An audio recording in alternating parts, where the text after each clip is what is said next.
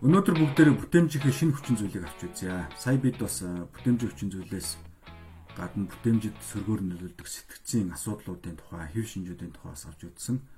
Тэгэхээр энэ зориг дэвшүүлэх гэдэг маань илүүтэй арга хэрэгсэл байгаа юм. Энэ бол сэтгэл зүйн хэв шинж биш.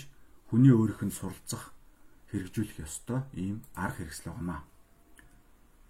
За хүн амьтан хоёрын ялгааг бид нар ярьдаг. Хүн бол амьтнаас ухаантай учраас ялгаатай гэж ерөнхийд нь ярьдаг. Яг ухаан гэж юу юм гэдгийг бас тодорхойлж чаддаг. Эрдэмтэд судалгаа хийгээд үзэхэд бол маш олон тооны амьтад хүнтэй тэр ухаантай гэж яриад байгаатай ижлэхэн үйлдэлүүд, үйл хөдлөлүүдийг бол үзүүлэх чадвартайг тогтоож байгаа. Дээрэс нь ихэнх амьтдын тархины бүтэц, хүний тархины бүтэцтэй бол одоо баг адилхан гэж хэлж болно.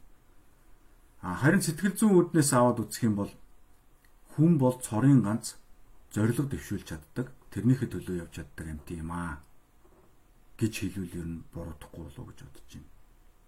Тэгэхээр зориг дэвшүүлэх гэдэг бол ерөөсөө хүний үндсэн мөн чанар юм зориг дэвшүүлж чаддаггүй зориггүй хүн яах вэ? За компаниар жишээ авъя. Компани бол хүмүүсийн нэгдэл. Тэгэхээр хүн төрөлхтний өнөөдрийн хөгжил энэ одоо компьютер, утас, онгоц, машин, хувцс, хунар одоо энэ бүх зүйлийг хэн биднэрт авчирв? Улс төрчид авчирв. Хэн авчирваа гэхээр компаниуд авчирч байгаа.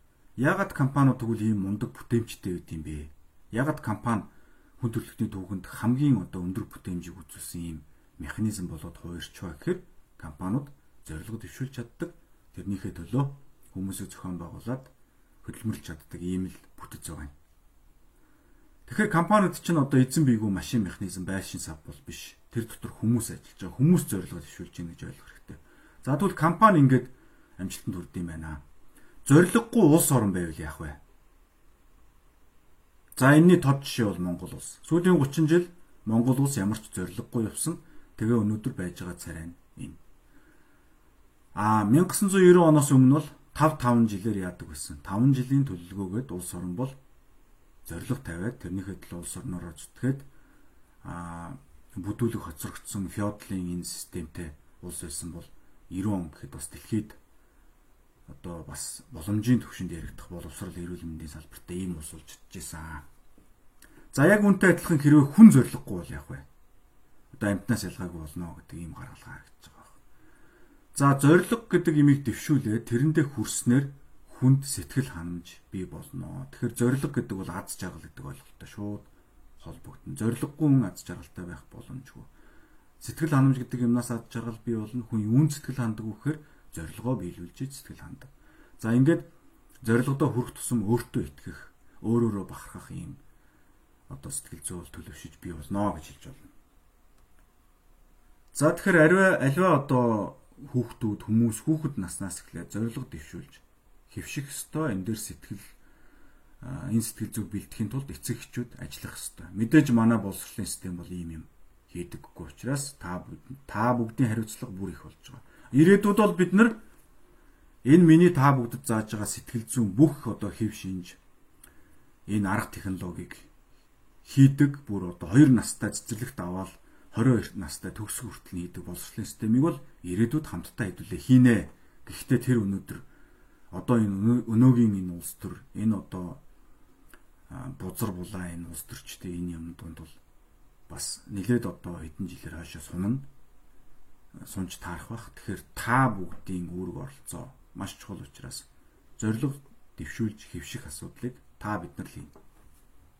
За тэгвэл байгуулгын сэтгэл зүйчнэр энэ зориг одоо дэвшүүлэх нь ямар ач холбогдолтой байдгийг бол судалж үзээд ерөөсөө хүний бүтээмжийг нэмэгдүүлэхэд шаардлагатай сэтгэл зүйн хэв шинжээс гадна арга хэрэгсэл бол энэ зориг дэвшүүлж хэвших явдал юм байна гэж ингэж судалж гаргаж ирсэн маш олон зуун судалгаа хийгдсэн байна. Би ерөнхийдөө үр дүнгуудыг базаж бас уншиж судалсан.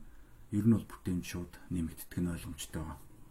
За тэгэд одоо би та бүгдэд зөвлөгөө өгөх гэж байна. За зорилгыг яаж дэвшүүлэх юм бэ? Нэгдүгээр зорилго бол тодорхой хэмжигдэхүйц байх хэрэгтэй. Тэгэхээр танаа хүүхэд бол зорилго дэвшүүлэхдээ ямар зорилго одоо дэвшүүлж хөвшгөө гэхээр тодорхой, ойлгомжтой тийм үү? Хэмжигдэхүйц. За тэр зорилго нь хүрүү хүрээгүй юу гэдгээ одоо хэмжиж чадах ийм зорилгыг бол дэвшүүлж сурах хэрэгтэй байна. За дараагийн зорилго бол энэ зорилго маань өөрөө хэд амархан, хэд хялбархан байж болохгүй. Энэ бол тухайн хүнээс тодорхой хэмжээний хичээл зүтгэл шаардсан сорилтыг өөртөө агуулсан байх ёстой. Ингэжж хүн бол хөгждөг сэтгэл ханамж авдаг юм байна гэдгийг судалгаагаар харсан байна. За 3 дугаар зөвлөмж бол зориг абстракт буюу хийсвэр байж болохгүй. Тэгээ энэ юу гэхээр за миний хүү одоо хамгийн сайн төвшөндөө л хүрээрээ. Хамгийн өндөр үр дүнд хүрээрээ. Хамгийн өндөр гэж юу юм? Хамгийн сайн гэж юу юм? Мэдхгүй. Хүн болго өөрөөр ойлгоно. Тэгэхээр ийм хийсвэр зориг бол дэвшүүлэхээс зайлсхийх нь байна.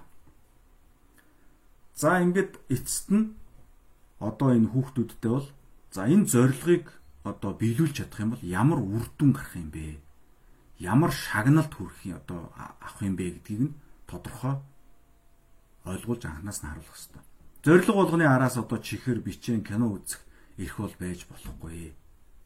Тэгэхээр энэ дээр зүгээр эерэг үр дүн байж. За чи энийг дүүдэд даалгавраа хийхтэн туслаад ингээд ингээд одоо энэ тоог нь ойлгуулчих юм бол ирээдүйд дүү чинь чадвартай мундаг хүн болно шүү дээ. Аа за үр дүн ойлгомжтой. Энд чихэр бичээний тухай асуудал ярьсан. Тэгэхээр би шагнал гэж айгүй их ярьж байгаа. Энийг эцэгчүүд бас зөвөр ойлгоорой. Дан одоо л нэг юм амттан өгсөн нэг юм авилгацсан юм байж болохгүй шүү. За тэгээд дараагийн бас одоо миний өгч зөвлөгөө бол энэ ямар бэрхшээлүүдийг одоо бэрхшээлүүдийн зорилгоо биелүүлэх хэвчээ таарлах вэ гэдгийг нь анханаас нь хэлж өгөх хэрэгтэй. Ингэх юм бол хүүхэд шантрахгүй. А яванда аливаа зорилго дэвшүүлэхдээ тэрний явцад одоо тэрэнд хүрэх явцад гарах бэрхшээлүүдийг урьдчилан харж тооцоолж сурах юм аа. Тэгэхээр энэ энэ зорилгод хүрэхэд бол чи ядарна, хөлчин өвдөн. За одоо уулын орой дээр гараа л да хамгийн одоо амархан зорилго байна.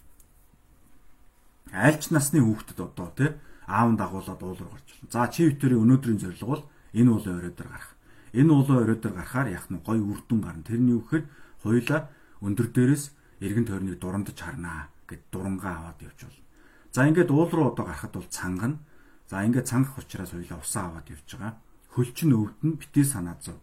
Энэ бол зүгээр төр зүрийн өвчин. Уул руу гармагц энэ өвчин арилнаа. Хөл өвдөж ийн гэдэг чи одоо удахгүй сөхрөөд унах гэсэн үг бишээ гэд.